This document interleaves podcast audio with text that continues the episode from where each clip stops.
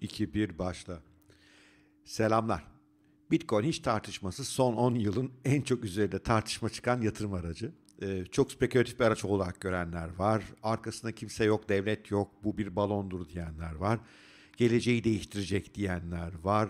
En büyük fırsattır diyenler var. Ben de aralarda bir yerlerdeyim. Bugün size biraz görüş paylaşmaya çalışacağım.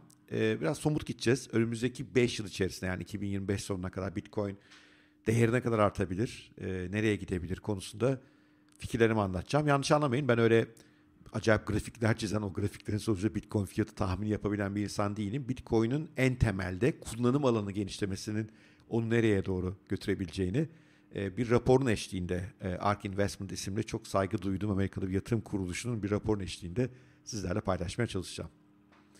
Öncelikle Bitcoin'in e, son 10 yılki performansına bakarsak muazzam onun kadar daha e, değer yaratan hiçbir yatırım aracı olmadı tarihte. Hani sadece bir örnek vereyim. 5 yıl önce 10 bin dolar yatırsaydınız Bitcoin'e bütün bu sert dalgalanmalara rağmen bugün 500 bin dolarınız olurdu.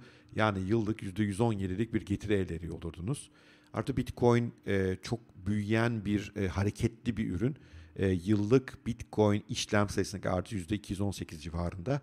Böyle bakacak olursak şu anda karşılaştırmalı olarak baktığımızda Bitcoin Amerikan hisse senetlerine göre veya bonolara göre çok daha küçük bir piyasayı teşkil ediyor. Ama 4 yıl içerisinde e, Amerikan hisse senetleri 5 yıl içerisinde Amerika'nın bono piyasasını geçebileceği işlem büyüklüğünde öngörülüyor. E, ve bu çerçevede şu ana kadar rakamlarda da bir küçülme yok. Ama Bitcoin'in değeri nasıl oluşuyor biraz ona bakmakta fayda var. Tabii değeri oluşturan en temel faktörlerden biri spekülatörler işte bugün alırım ileride daha yüksek fiyata satarım diye spekülasyon yapan bazen bunu büyük miktarda parayla yapıp biraz bunu manipülasyona çeviren insanlar var. Yani bir fiyatlama sebebi bu. Bu benim ilgi alanımda değil. E, etkilerinde kalıcı olmadığını düşünüyorum, geçici olduğunu düşünüyorum. E, ve günlük sert hareketlenmelere sebep olsalar da uzun vadedeki fiyatı belirlemek konusundaki etkileri düşük diye düşünüyorum. İkinci bir konu Bitcoin'in kıtlık durumu. Kıt şeyler daha değerli. İşte biliyorsunuz Bitcoin en nihayetinde en fazla 21 milyon adet olacak. E, onun e, şey bu yazısı yazıla, yazılımı bunu gerektiriyor, onun algoritması bunu gerektiriyor. E, bundan dolayı da Bitcoin'in değerinin katlanarak artacağına inanan insanlar var. Hatta e, Twitter'da Plan B ismiyle yayın yapan e, Hollandalı bir yatırım bankacısı var. Gerçek ismini vermiyor. Bitcoin'e yatırım yapmaları yasak çünkü yatırım bankacılarının. E, onun bir stock to flow yani stok akış modeli modeli var. İşte piyasadaki e, herhangi bir varlığın e, toplam değerine yeni yılda ona ne kadar katılım olacak. Mesela altın düşünün piyasada ne kadar altın var. Bu yıl daha ne kadar altın kazanıp piyasaya sürülecek. Stock to flow e, ratio deniyor buna.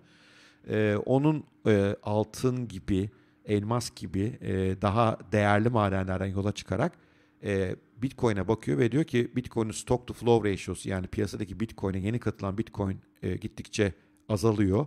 Çünkü işte bir zorlaşma var Bitcoin üretiminde e, bu yılda biliyorsunuz yakın zamanda yarıya indi Bitcoin üretimi. Böyle yola çıkarsak Bitcoin'in değerinin bu yıl 2021 yılında 100 bin dolara geçmesi gerekir diyor. Tabii bilmiyorum bunlar biraz spekülatif şeyler. 100 bin dolar değeri geçmesi için piyasaya yeni para girişi gerekir. O para nereden girecek? Onun açıklaması çok getirmiyor. Girecektir diyor çünkü kıttır değerdir. Kıt değerlerin e, modeli böyle işlerdi ve bayağı ikna edici geçmişten rakamlar veriyor ama görmek lazım. Benim için bir şeyin gerçekten değerinin artması onun kullanım alanının genişlemesiyle olur. Mesela sanılanın aksine altın değeri pek artmaz aslında. Yani evet son zamanlarda işte bu risklerden dolayı altına bir miktar yönelme oldu.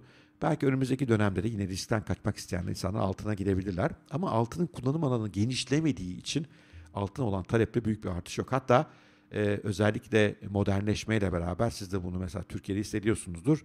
Altının en büyük kullanım alanlarından birisi olan takı olarak onu kullanmak bile azalıyor. Hindistan takı pazarı ki en büyük takı pazarıdır. Orada bile altın tüketiminde artış e, azalış var. Bundan dolayı altının değeri beklediğimiz kadar hiçbir zaman artmıyor. E, ve eğer e, endekslere oturacak olursanız Amerikan hisse senetleri veya bonolarından veya hatta Amerikan dolarının kendisinden bile daha az arttığını görürüz uzun zamanda. Çünkü kullanım alanı genişlemiyor. Bundan dolayı Bitcoin'in kullanım alanı genişleyip genişlemeyeceğine, genişleyecekse nereye doğru gideceğine bakmak lazım. Çünkü sadece spekülatif ben bugün alayım gelecekte daha yüksekte satarım diye insanların fiyatı getirebileceği yerler belirli. ARK Investment isimli bir danışman kuruluş var, yatırım e, danışmanı. E, fonlar da yönetiyorlar. Benim çok saygı duyduğum bir kuruluş bu. E, çünkü benim Tesla yatırımımda çok yardımcı oldular. On, Tesla'nın bir hisse senedinin değeri 170 dolarlara indiğinde ki sadece bir yıl önceydi bu. E, onlar Tesla'nın hisse senedi değerinin 3000 dolara bulabileceğini iddia ediyorlardı. Nitekim Tesla'nın hisse senedi değeri bölündü tabii şimdi 5'e bölündü o yüzden düştü ama normalde 2500 dolar civarına ulaşmış durumda. Sadece bir yılda 170 dolardan 2500 dolara gelmek inanılmaz bir rakam. Bunu öngören firmadır işte e, bu ARK Investment. Sadece teknoloji alanına yatırım e, yapıyorlar. Teknoloji inovasyonlarla ilgileniyorlar. İşte biyomedikaller, ondan sonra e, Tesla gibi etikli otomobiller, yapay zeka onların yatırım alanları. Onlar diyorlar ki Bitcoin'in değeri önümüzdeki 5 yılda e, bir Bitcoin'in değeri 160 bin dolara çıkar. Bu kabaca 14 katlık bir artış anlamına geliyor. Piyasadaki toplam Bitcoin'in değeri de 220 milyar dolardan 3 trilyon dolara yükselebilir diyorlar. Mantığını şöyle koyuyorlar. Spekülasyon onlar da bir kenara bırakıyor.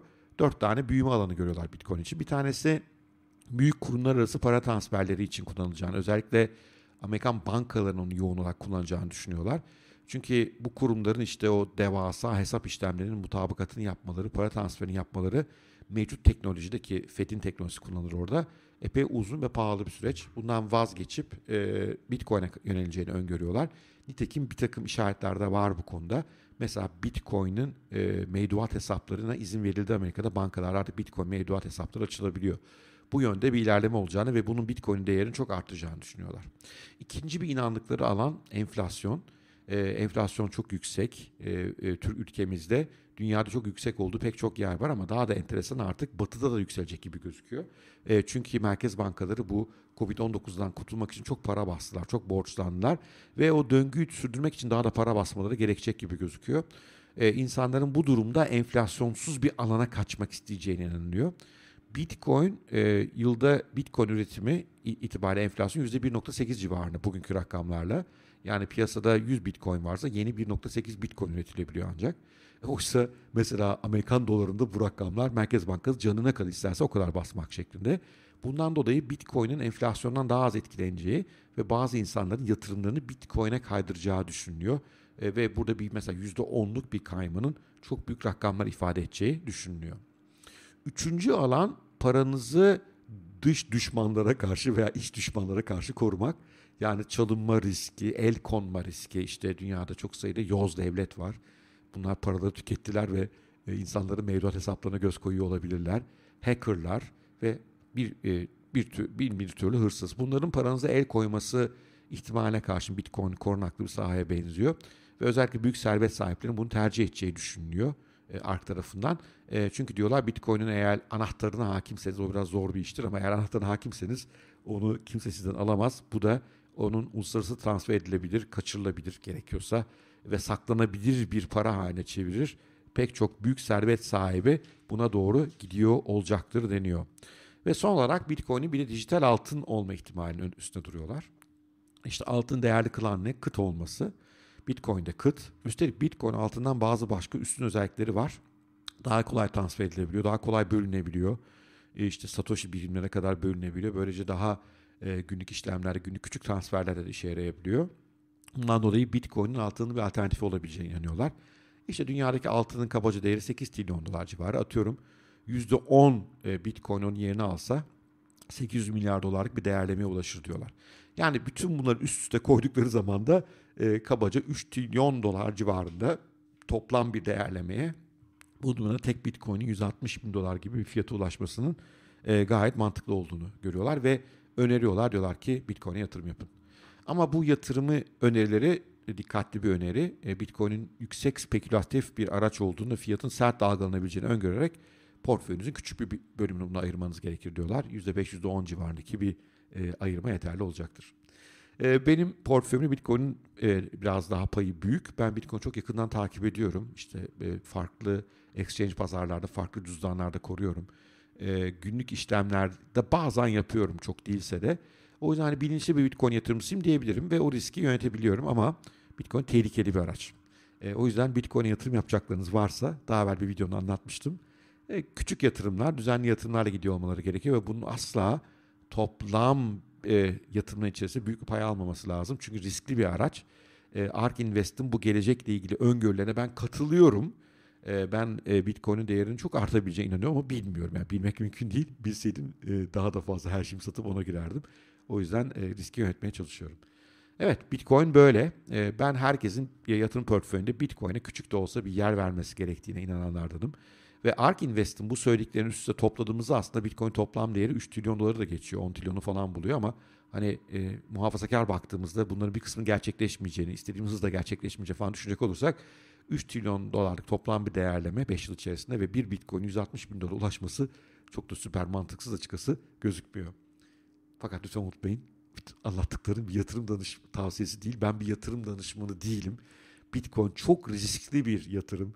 Başınıza her şey gelebilir. O yüzden yatırımınızı, riskinizi iyi yönetin. Gerekiyorsa profesyonel danışmanlardan destek alayım. Alın bu konu okuyun, yazın, araştırın ve ondan sonra Bitcoin konusunda küçük de olsa bir risk alıp almayacağınıza karar verin. Evet, bugünkü videomda bu kadar. Umarım ilginizi çekmiştir. İlginizi çekmişse her zamanki gibi bir like etmeniz veya yorum yazmanız süper olur. Ee, gelen sorular vardı. Ben bu video yapacağım haber verdiğimde umarım o sorulara da e, derli toplu cevap vermeyi başarmışımdır. Hoşçakalın, görüşmek üzere, sevgiyle kalın.